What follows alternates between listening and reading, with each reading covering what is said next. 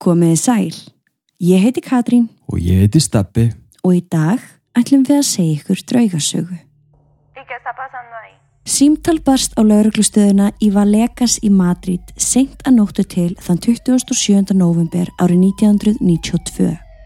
Hinum einn á línunni heyrðu þeir taugaveiklaða rödd herra Lazaró sem sagði þeim að hann og eiginkona hans var að verða fyrir árás. Inn á heimili þeirra væru skuggaverur í öllum hornum inn í öllum herbergjum. Þessar verur væru búin að ásækja þau í marga mánuði en ástandið hafi farið snar vestandi síðustu klukkutímana og að þau væru raunverulega núna að berjast fyrir lífi sínu. Hóse Negri sem tók við símtalinu brást skjótt við og sapnaði saman liði lauruglumanna sem gerðu sér líklega til þess að mæta á heimili Lazarahjónana. Allir vissir um að þeir væri að fara að takast á við hefbundið innbrott. Engan grunaði að á móti þeim tæki við eitthvað ómennst, eitthvað sem þeir höfðu aldrei séð áður. Þetta er sagan um Estefaníu.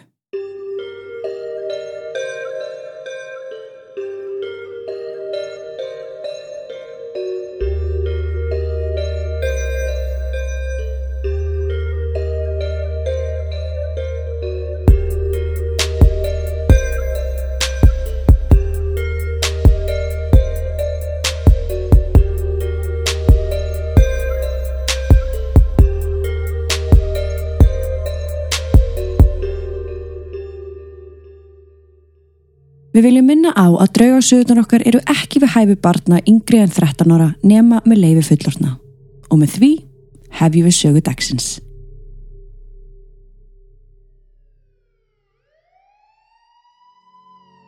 Tveir lauruglubílar voru mættir fyrir utan hús nr. 8 við Lewis Maringötuna. Þar fyrir utan í kuldanum stóðu lasar á hjónin, bæði of hrætt til þess að fara afturinn á heimili sitt. Lauruglumennir sáu ekkert óeðlilegt í fljótu bragði. Hverfið var rólegt og engin merki vorum innbrott. Engar brotnar hurðir eða gluggar en það fór ekkert á milli mála að ofsarræðsla hafði tekið yfir hjónin sem að tjáðu lauruglumönnum að eitthvað ósýnilegt væri að ráðast á þau öllum stundum. Örvæntingafull sögðu þau lauruglumönnunum frá háum og kveikjandi skuggaverum sem að svefu þvert yfir herbergin. Hvernig hurðir væri að skellast, gluggar væri að opnast og lokast að sjálfum sér og frá röddunum sem að hættu aldrei. Frú Lazaró sagði þeim líka frá því hvernig ógeðfeldar hendur hefðu gripið í hana fyrir um nóttina. Með hennar eigin orðum þá saðist hún hafa vaknað upp og fundi fyrir miklum þrýsting ofan á sér en hún hafi engan séð. Hún fann samt að þarna var einhver. Í sömu andrá hafi verið gripið í fætur hennar og hendur sem að stóðu út úr sanginni. Við verum að tala um hérna að þau voru bara alveg styrluð, eða ekki? Jú, og þá kannski sérstaklega frú Lazaró sem að virtist viti sínu fjær. Hún átti erfitt með að standa kyrr, hún átti erfitt með að tala að því hún grét og öskraði svo mikið. Svo á endanum skipar lauruglustjóri Negri nokkrum mönnum sínum að vera hjá konunni svo hún færi sér ekki að voða. Þannig að hún var alveg bara í hysteríi. Algjörlega. Hann sjálfur fór inn í húsið á samt herra Lazaró og tveimur öðrum lauruglumönnum. En Ok. enginn þeirra vissi samt út í hvað þeir voru að fara. Ég held að innst inni heldu þeir ennþá eflaust að það hafi bara eitthvað brotist inn til þeirra Mm og það væri bara eðlilegast útskýringin. Öðvitað. Enginn þeirra var reyðubúin fyrir það sem að beigð þeirra innan þeirra.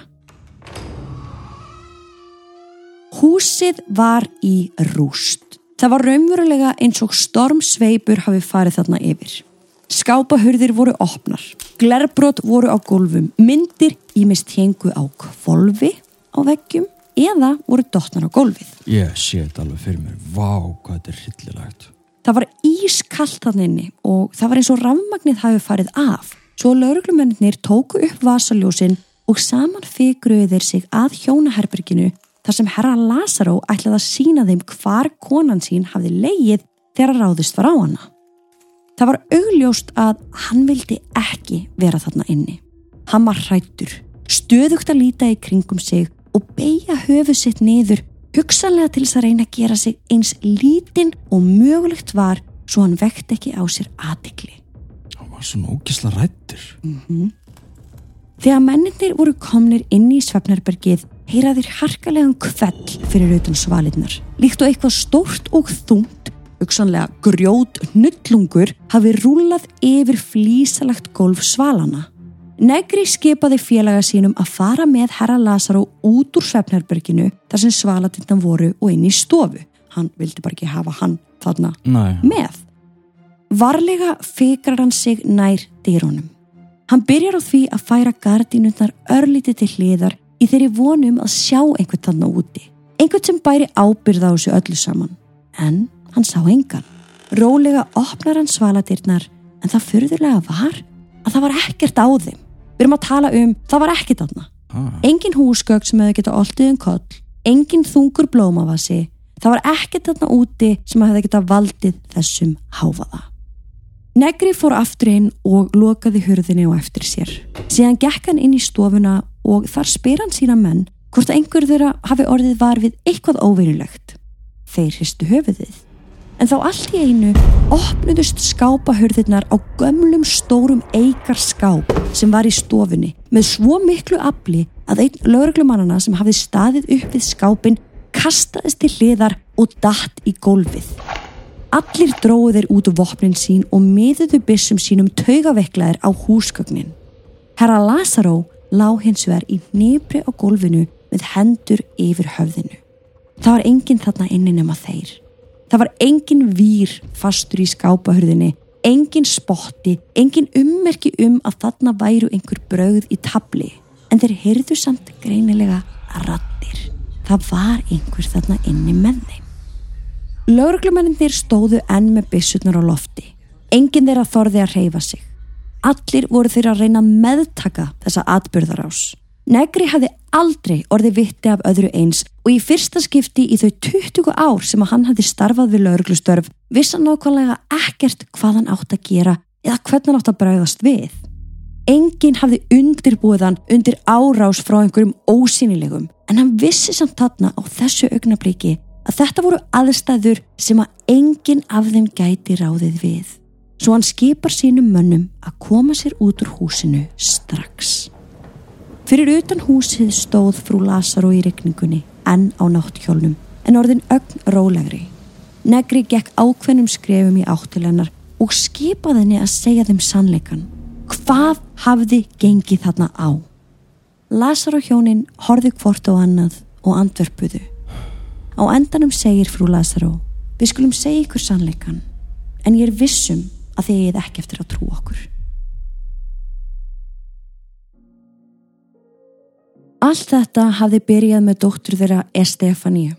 Hún hafði fæðist árið 1979 og bjó með foreldrum sínum og tveimur yngri sískinum, bróður og systur.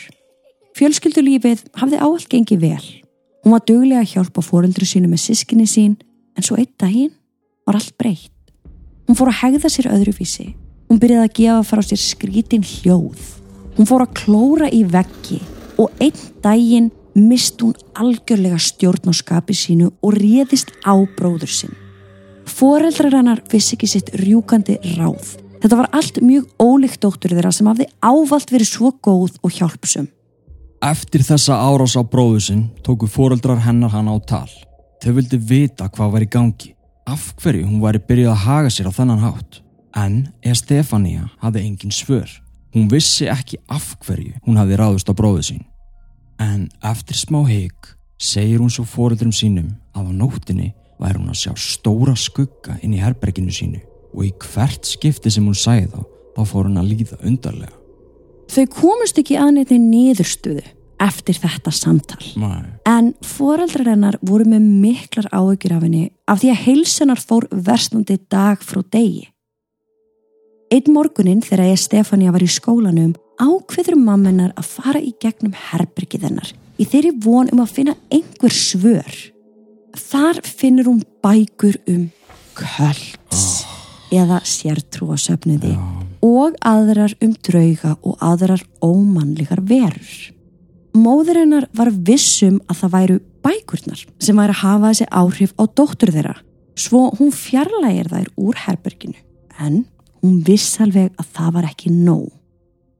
Það er verðt að taka fram að það er sko bíómynd sem hefur verið gerð um þetta mál. Já, já. og við horfðum á þessa mynd áður en að við gengum í hérna þá Mm og maður sér svona fyrir sér andlitin og þessar aðstæðar sem að fólk er í.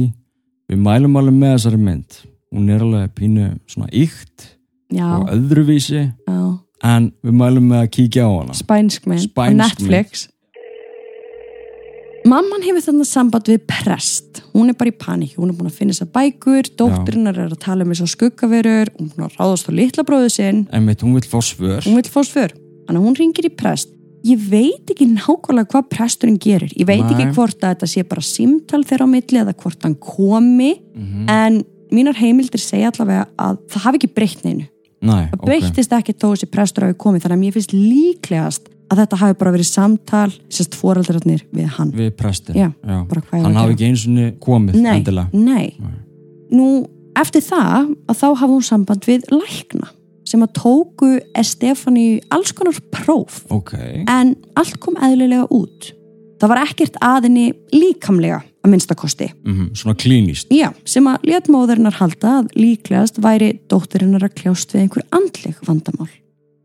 Estefani held áfram að fara í skólan og hitta vini, en hún kvartaði yfir því að heyra ókunnugar rattir í höfðinu.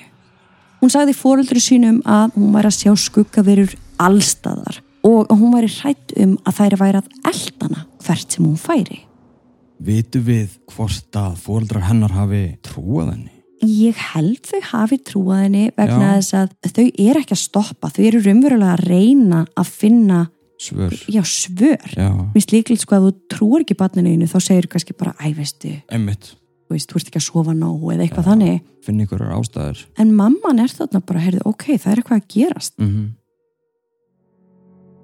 Loksins kemst hún að hjá geðlækni og í sex mánuði gekk hún á milli lækna sem að allir tók hana í alls konar próf til þess að fá svörum hvað væri að sjá hana. En aldrei fengu fóreldrarnir neyn svör samt. oh, Það var eins og hún fjall ekki undir neina greiningu nema kannski að hún væri að þjást af geðkvörfum. mm Líka með stúlkunar var byrjuðar að veikjast mikið, þú veist þetta sást utan á henni, hún var byrjuð að grennast, hún var orðin föl -hmm. og þetta var alltaf gerast bara samhliða því að andlega heilsa hennar var að verða verri og verri. Vitu við hvort að fóreldrarnir og yngri sískinin er að taka eftir þessum hljóðum og röddum Nei, þau eru nefnilega ekki að taka eftir þessu. þau eru ekki að taka eftir, bara hún Eftir því sem ég best veit, þá er það bara hún. fá skrítið Mm Estefania fór að fá flók reglulega á almannafæri sem að urðu svo slæm að hún hætti að mæta í skólan. Hún sagði fóreldru sínum frá ógeðslegu verónum sem að gengu fram hjá herberginu sínu á næturnar og hvernig rattirnar í höfðin á henni væri orðnar háværari. Svo skemmtilega þá dó inn í herberginu sínu árið 1991. Læknar virtust ekki vita hvað hafi valdið dauða hennar svo á dánarvottorinn hennar var skrifað hjartastopp en þó undir dulaföllum aðstæðum. já, þau fundi enga eðlilega útskýringu eða bara nákvæma dánar orsök Nei, á þessari ungu konu nei, og það eru tvær sögur hérna. Það er talað um að hún hafi látist þannig inn í herberginu og það er sagan sem er oftast sögð. Flestar heimildir segja að hún hafi látist þar. Mhm. Ég las samt einhverja greina það sem er talað um að hún hafi verið lögð inn á spítala á spítala út af andlegu heilsunni og út af þessum flógum og þar hafa hún dáið. mm, bara láta ykkur vita af þessu skiluru já, þó að við göngum út frá því að hún hafi látist á heimili sínu. já Sorgin sem að held tók foreldra hennar og sískinni er þau bárana til grafar er ólýsanleg. Allt sem þau höfðu reynt að gera fyrir dóttið þeirra hafði ekki bórið neitt árangur. Þau gátu ekki bjargaðinni. og þegar hingaði komið þá getur maður ekki ímynda sér þú sem foreldri, þú ert búin að gera allt fyrir barnið Mm hún er að upplifa svo erfiða hluti og þú getur ekki fundin einn svör Nei. svo lætir hún lífið ég get ekki ímyndað mér sko. Foreldrarnir hafðu það ekki í sér að pakka niður herbergi dóttur sinnar svo þau skildu við það alveg eins og Estefania hafi skilið við það. Lokuðu hurðinni og læstu. Dagarnir liðu þar sem fóreldrarnir reyndi að halda lífinu áfram með hinn börnin sín tvö. En það var erfið barátta að vakna hverju morgni og horfast í augu við það að elsta dóttir þeirra var í dán. Móðurinnar hafði oft gengið fram hjá herbergishurðinni hennar en ekki haft það í sér að opna og fara þangað inn. En hún ákveður eitt kvöldið að láta verða að því. En um leið og hún opnaði hurðina tók hún andköf þegar hún sá að herbergið hennar var í rúst. Einhver var búin að færa húsgögnin frá veggjónum, dreifa fötunum út um allt og henda öllum munum úr hillum. Að sjálfsögðu var engin eðlileg skýring á því hvernig þetta gætt gerst en fóreldrarinnar velduði fyrir sér hvort að mögulega einhver nágrani hafi komist ángað inn Mm í gegnum gluggan. Og gert þetta, þú veist maður bara, ha? Og af hverju? Og af hverju bara þetta herbergi? Þetta er rosalega skrítið og þau eru væntanlega í það mikill í sorg að þau vilja ekki færa neitt til. Nei, Þau þóra ekki að breyta neinu nei, þannig að það er svo sannarlega ekki þau sem eru að hreyfa við þessu og, og ég veit ekki sko að því að í bíómyndinni þá er þetta svolítið skrítið uppsett þetta er svona eins og húsið sé í svona U þannig að þegar þú stendur inn í einu herberginu Mhm. þá getur þú hort út um gluggan og hort á herbergið hinum megin mhm. þetta er mjög skrítið, maður veit ekki alveg hvort það hafi verið svona í alvörunni Þetta var fjölbýlishús. einmitt og það er það sem manni finnst líka skrítið Já, það var fjölbýlishús. Þau voru Mhm. með nágrann sko. já, Haldi bæði fyrir ofan sig, neðan sig og jafnvel hliðin á sér. já skrítið Þannig að hvernig kemst maður þá sem Nefnilega, nefnilega, þetta er skrítið og af hverju, af hverju Dagan á eftir fóruð við að heyra alls konar læti koma frá gamla herbergi dóttu þeirra. Oftast voru þetta ókunnugar rattir, en stundum heyrði móðurinnar í Estefaníu kalla nafn sitt. Mamma, Í eitt skiptið heyrði hún það svo greinilega að hún kallaði á móti. Hún bað Estefaníu að býða, hún væri að koma að bjarginni. mamma, En auðvitað, um leið og hún var komin inn í herbergi þá var engan að sjá. En það var kallt þarna inni. Óeðlilega kallt. Og mikill vindur sem að kom ekki frá glugganum sem var og hafiði alltaf verið lokaður. Mm þannig að hvernig nágrannir, já. fara inn mjög skrítið ok, Herbergi var líka eins og vanalega, allt í drastli, að því það skipti ekki máli hversu oft foreldrar hennar gengu frá þann inni. Næst þegar þau opnuðu þérnar var allt komið út um allt.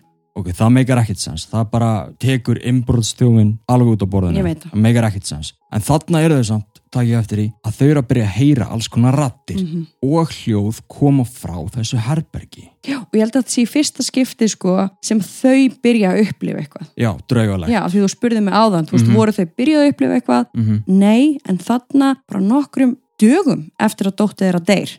Vá, Þá byrjar þetta og er tengt hennar herbergi. Og þar sem móðurinnar stendur í miðju herberginu, í öllu draslinu, nýbúin að heyra rödd dóttur sinnar, þá sér hún klórför á veggnum. Og hún kannaðist við þessi för. Estefania hafði oft klórað í veggina eftir að hún veiktist, mannstu ég sagði ykkur Mhm. áðan. já, En móðurinnar var hins vegar búin að mála yfir þau öll eftir að hún lést. Hún var búin að laga öll klórförun á veggjunum en ég fannst þetta óþægileg minning. já, skiljanlega Þannig að þessi klórför, þau voru fersk og þau voru mun dýbri en þau sem að hún hafði séð áður. þau voru ný Þau voru ný. Nú, Lazar og fjölskyldan var kathólsk Mhm. og þau trúðu á hið góða en líka auðvitað hið illa.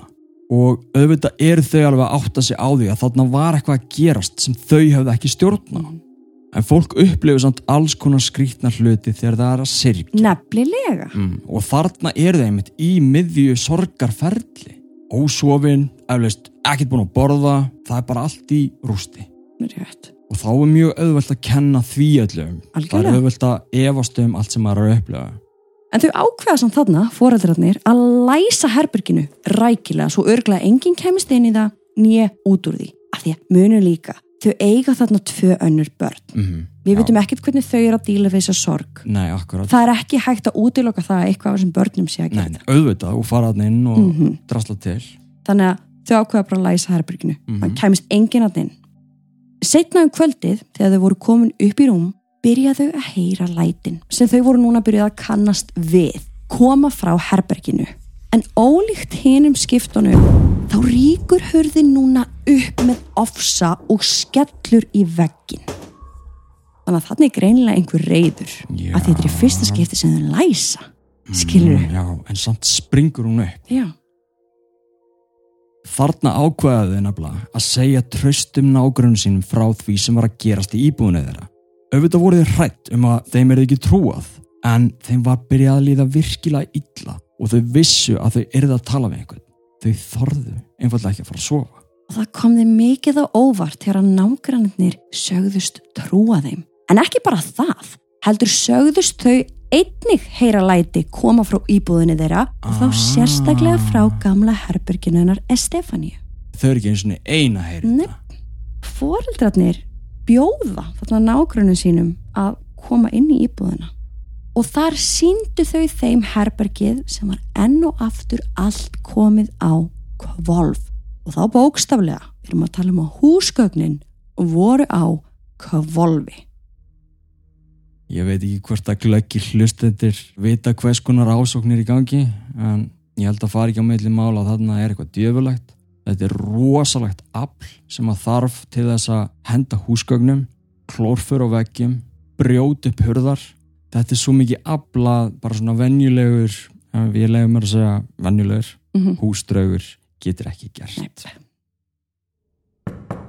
Nokkrum dögum eftir þetta atvik þá bankar upp á hjá þeim tvær systur sem voru gamlir kennarar dóttu þeirra. Já, því hún var í katholskum skóla. Hún var í katholsku skóla. og við ætlum að nota tækifærið þetta bara eldsnögt sem sagt nunnur, það eru þær sem eru læstar í klaustri, Já. komast ekkit út en þess að sem við sjáum í einmitt skólum og í svona bíómyndum, það eru kallaða systur, katholska systur en þær hafa þarna greinilega einhvern áhuga á því sem er að gerast Já, málega er að þarna voru þær loksins tilbúnar að segja foreldrunum hvað þær höfðu orðið vitni af í skólanum mörgum mánuðum áður. Sistirinn segir þeim að Estefania hafi átt góða vinkonu í skólanum sem hafði mist kærastan sinn í móturhjólaslýsi. Skiljanlega þá var vinkonan döpur. Dag einn eftir skólan sá sýstirinn vinkonurnar fjórar þar á meðalið Stefáníu í kjallara skólans. Þar sátu þær í ring og í miðjunni var andaglasborð og úr því kom hvítur reykur sem að virtist á einhvern ónáttúrulegan hátt miðast engungu á Estefáníu þar sem hún satt og andaði honum að sér. Og þetta er svona andaglasborð eins og við könnumst við. Þau eru Já. með glas á kvolfi. mm -hmm. Sýstirinn rætti við stelpunnar og krafðist þess að vita hvað þeim gekk til og þær sögðunni að Estefania væri búin að kynna sér andaheimin mjög vel í gegnum bækur og að þær trúðu því að með andaglasborðinu gætu þær náð sambandi við kærasta vinkonunar sem var látin eða þá sérstaklega Estefania sjálf sem að sagðist geta talað við anda. hún hélt því fram Já. Sistrin skipaði stelpunum að koma sér heim og sjálf braut hún andaglasborðið í tvent. Þetta er náttúrulega mjög hættulegu leikur, þið veitir það. Það að fólk sem er í þessu sorgaferli er að reyna að ná sambandi við látin kærasta eða Mhm. látið barn eða eitthvað. Þetta er hitt fullkomna tækifæri fyrir hinn ítlu öfl að koma og segjast verið einhver önnur. En þetta er hryllilegt að heyra. Vitum við hvað kom fyrir þetta andaglasborð Nei, kjálfarið? Það eina sem við veitum er að hún Hún brauta. braut það í tvent sem er ekki sniðugt. Ó nei, hún klúraði þessu algjörlega því miður. Þetta atvik hafði átt sér stað 7 til 8 mánuðum áður en Estefania lést. Ah. Það er akkurat um sama leiti og hegðun hennar breytist. Þarna fengu foreldrarnir loksins svör um hvað hafði amað að dóttur þeirra. Andaglasborðið hafði dreigið hana til dauða. Eftir þessa heimsókn voru foreldrarnir vissir um að dóttir þeirra væri að ganga aftur og líklegast að reyna að ná sambandi við þau. móðurinnar ákveður þá að opna herbergið hennar í þeirri von um að fá einhver skilabóð frá dóttur sinni nú þegar hún var vissum að það væri hún sem væri á bakviðuð lætin. mm. En þá sér hún að mynd sem að hjekk upp á vegnum af Jésu var komin á kvolf. Mynd af dóttur hennar lág síðan brotin á gólfinu. Móðurinnar tekur myndina varlega upp en í sömu andra og hendur hún myndinni frá sér strax aftur. Maðurinn hennar sér hann að gera þetta svo hann kemur til hennar og tekur sjálfur myndina upp. Hún var á kvolfi en þegar hann snýr myndinni við í höndunum á sér þá sér hann hvernig það byrjar að kvikna í henni og hann verður svo hrættur að hann hendur henni aftur í gólfið og foreldrarnir hlaupa út úr herberginu. Þetta atrið er svolítið flott í bíómyndinni það er að vísu bara Já. myndin sjálf á gólfinu Mm -hmm. en úf, að því við erum actually með alvöru myndina fyrir framann okkur Við erum með mynd, þið getið séð þessa mynd, hún fylgir þættinum. mm Þetta er ljósmynd í ramma, greinlega bara andlitsmynd, tekin bara svona frá öxlum og upp. Já, bara portréttmynd er algjörlega. Stefania, það ekki? Þetta er Estefania Mhm. og þið sjáuð hvernig það er kviknað í myndinni einhvern veginn innanfrá. Innanfrá, einmitt, akkurat Af því að rammin er sko brotin, jú, en Já, já, örgulega springur bara hann er svona sprungin hitanum. upp, já, þetta er Þetta er mjög skrítið Ég meina, það kvikna bara ekkert í hlutum ekki síð svona. Nei Dægin eftir ringja hjónin í lásasmið og þau byggja hann um að loka herberginu rækila. En samhliða því þá raða þau þungum húsgögnum fyrir hurðina svo að hurðin gæti alveg örglega ekki opnast aftur. En það gekk ekki. Um kvöldið voru rattirnar mun herri en áður, eins og einhver vildi virkilega komast út úr herberginu. Lásnum sem hafi verið komið fyrir á hurðina sprakk upp á einhvern ótrúlegan hátt og þungu húsgögnin sem hafi verið komið fyrir fyrir utan hurðina færiðust eins og lauf í vindi þegar hurðin skall upp með tilhærandi látum. Vá Og hafið í huga hér að þau áttu tvö börn Já, sem er að verða vitna af þessu öllu saman. og þau eru ung Þau eru ung. Lazar og hjónin voru komin á þá neðustu að bara flytja burt af því þetta var bara fastur liður á hverju einustu nóttu hjá greiði fjölskyldunni Já. sem er by the way að sirkja Algjörlega, en það er svo erfið ákvörðun að fara að flytja út af því þau vissi ekki betur en að þarna væri dóttir þeirra að reyna að ná sambandi við þau. Mhm. Og það er ekkit auðvelt að taka þá ákvörðun að snúa baki við því. Þannig það er líka örgulega einhver tökstreita sem á sér staðna að því að þau eru bara, ok, þetta er dóttir mín reynum að tala við hana, Mhm. þannig að þau eru að opna á enn frekari samskipti við hvað sem það er ef þetta djúfulega afl vill að hans er dóttir þín þá skal hann endilega vera dóttir þín Já, hvað sem þú vilt, sko einmitt, einmitt. en á sama tíma þá eru þau að bolta hörðina og setja húsgögg fyrir hún myndir ekki gera það ef þetta var dóttir þín. Nefnilega, hann er svo rétt orð þegar þetta er svo mikil tokkstreita Já. sem þau eru að díla við. En svo gerist atvikið sem að fylgti mælin. Móðurinn var sofandi í rúminu þegar hún finnur allt í henni einhvern sitja ofan á bringunni sinni og síðan var tekið í hendur hennar og fætur. Á því augnabliki stekkur eigimaður hennar á fætur og hringir á lögregluna. Eftir að hafa sagt lögreglumennunum frá öllu því sem hafði gengið á inn á heimilið þeirra, báði þeir um að fá að sjá gamla herbergið hennar Estefaniu. Negri lögreglustjóri var skiljanlega mjög skeptiskur á frásögn þeirra hjóna, nema hann hafði sjálfur orðið vitni af þungu skápahurðunum opnast aðeins nokkru mínútum áður Akkurat, og hann hafði ekki með nokkru móti fundið eðlilega útskýringu á því hvernig það gatt gerst. næmið Inn í herberginu var allt í rúst eins og vanalega. Inn í húsinu var lauruglustjórin Negri, tveir félagar hans og hjónin. Ok, þau eru fimm hana Já, börnin þeirra tvö voru í næturpössun sem þau voru byrjað að vera í svolítið reglulega. Já, ég menna þú vilt ekki að börnin sofi við þetta Nei, Lazar og hjónin voru hrættum að eitthvað myndi koma fyrir þau. mm Þau voru líka búin að verða vör við rattirnar og skuggaverðnar og strákurinn þeirra saðist vera hrættur við ljóta gamla mannin sem að stóð alltaf í horninu á herberginans. Og þessi maður er einmitt síndur í bíómyndinni, þessi Já. nakti þarna. Þetta er ógeðslega Þetta er ógeðslegt. Mhm. Allt var hljótt fyrst um sinn þar sem þau stóðu öll í einni hrúi fyrir miðju herbergisins. En svo allt í einu kemur þessi vindkviða upp úr þurru. Ískaldur vindur fyrir yfir þau öll og á sama tíma byrja rattirnar. Miljón rattir úr öllum herbergjum húsins. Þau heyra hurð skellast einhver staðar fram á gangi og sjá skrítna skugga byrtast á veggjónum. Negri skipar félögum sínum að fara út með hjónin til öryggis en koma svo aftur inn til þess að rannsaka. Í stuttumáli þá rannsökuðu þeir eins mikið og þeir mögulega gátu miða við þessar aðstæður þanga til að þeir yfirgáðu húsið og sögðu Lasar á fjölskyldinni að það eina sem þau gætu gert væri að flytja. Að því þarna væri á ferðinu einhver öll sem að þau gætu ekki ráði við eila bara neynuleiti Nei.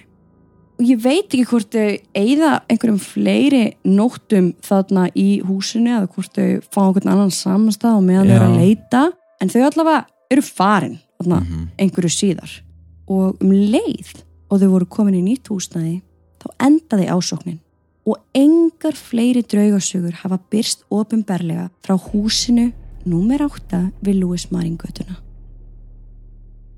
Þetta er rosalega skrítið að því ásókn sem þessi hún hættir ekki bara svona skyndilega Nei, en akkur gerðum það þarna? það er mjög skrítið og þá fær maður að hugsa sko að gæti verið að það sem að Estefania var í katholskum skóla að kannski var aðgengið að prestum aðeins auðveldara en veist við þekkjum. Þetta er katholst land og kannski var reglulega prestur sem var að koma.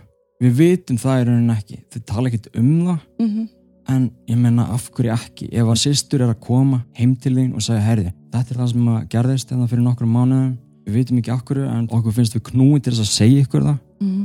Á meðan þau eru að glíma við þetta allt saman. En kannski eru þau að koma með eitthvað, Ertu þá að tala um að einhverja blessun eða Ertu að tala um að þá eftir að þau eru flutt úr húsinu að þá hefur mögulega verið framinn særingarna Já. sem við vitum kannski bara ekki af? Já, og jafnvel með fjölskyldinu Já, jafnvel með fjölskyldinu Já. Það er alveg góði punktur. Það gæti alveg verið. Af því að sko, nú er djöfullin búin að ná sínum fram.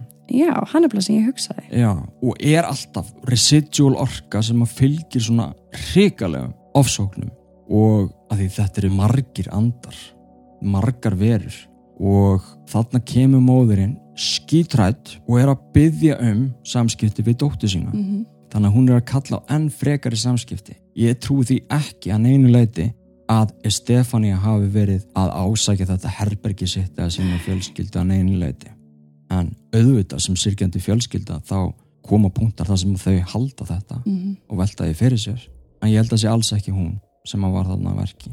Og ég bara hreinlega veit ekki hvernig og af hverju þessi ásókn hætti bara. Nei, ég minn í stuttumáli þá er þetta bara þannig að djöfullin er að ásækja Stefáníu mm hann fær sínu fram, Já. hún deyr. Já, svo veit ég ekki hvað hann vildi. Ég veit ekki hvort hann vildi fá hérna fjölskyldumælimina ég veit ekki hvað hans plan þarna var. einmitt. En allavega þegar þau fara þá fer hann Já, og ekkert yfir heyrst. Eða kannski fór hann ekkert. Ég meina kannski er en þá byllandi ásóknarna það bara veit það enginn. Já, og kannski myndi enginn segja það. Nei. og svo líka náttúrulega hann er þólimóður kannski leikur hann bara hans í dvala. Einmitt. Það getur vel verið að að fylgja fjölskyldinu þessi frásögn er sönn og hún var skrifuð í laurugluskísluna sem að Negri skrifaði eftir heimsók þeirra. Það er sagt að spænskar lauruglur séu engin lömb til þess að leika sér við þetta fólk er með bein í nefinu og er ekki tilbúið að gleipa við einhverju kjaftaði en það að þessi frásögn hafi verið skrásett með þessum hætti gerir hana trúverðuga Eftir því sem ég best veit þá er þetta eina yfirnáttúrulega atvikið sem hefur verið skrásett í laurugluskíslu þarna á Spáni. Auðvitað eru einhverjir sem efast. Ég veit að móðurinn var send í geðrænt mat á einhverjum tímapunkti. Ég veit reyndar ekki hvort hún var send eða hvort hún hafi farið sjálf. Nei, nei, En þar kom í ljós að hún þjáðist af miklum kvíða og þunglindi. skiljanlega Aðrar heimildir segja að hún hafi fengið greiningu sem að hljómaði á þann hátt að hún hafi stanslust þurft að vera að leitast eftir aðtikli. Mm, hversu satt það er, ég veit það ekki, en ég meina mér persónulega finnst ekkert skrítið að hún hafi fengið áfallaröskun og kvíða. Akkurat, það er bara gefið Eftir allt þetta sem fjölskyldan hennar gekk í gegnum. Já, Árið 2017 kom út myndin sem við erum búin að vera að tala eins um hérna í þættinum. Já, og hún er aðgengilega á Netflix. Já, byggð á þessari frásögn og hún heitir Veronica. Eins og þú sagðir, við horfðum á þessa mynd áður en við fórum að vinna þessa sögu og maður sér vissulega rauðan þráð í gegnum hann alla en eins og með alla bíómyndir þá er hún skaldskapur að miklu leiti. Það er samt mjög ábyrrandi að Estefania var að berjast gegn djöfulegri ásókn sem á endanum dróana til dauða.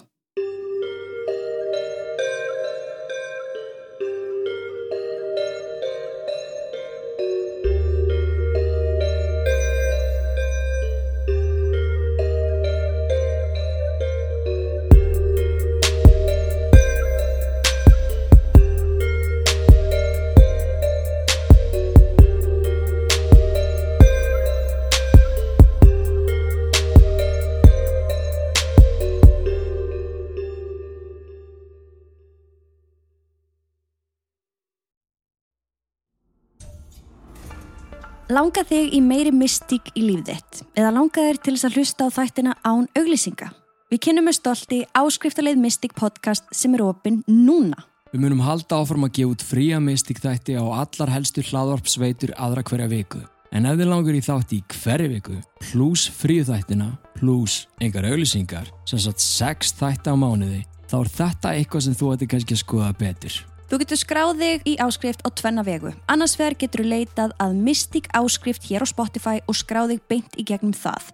Eða þú getur farið inn á patreon.com skástrygg Mystic podcast og skráð þig þar.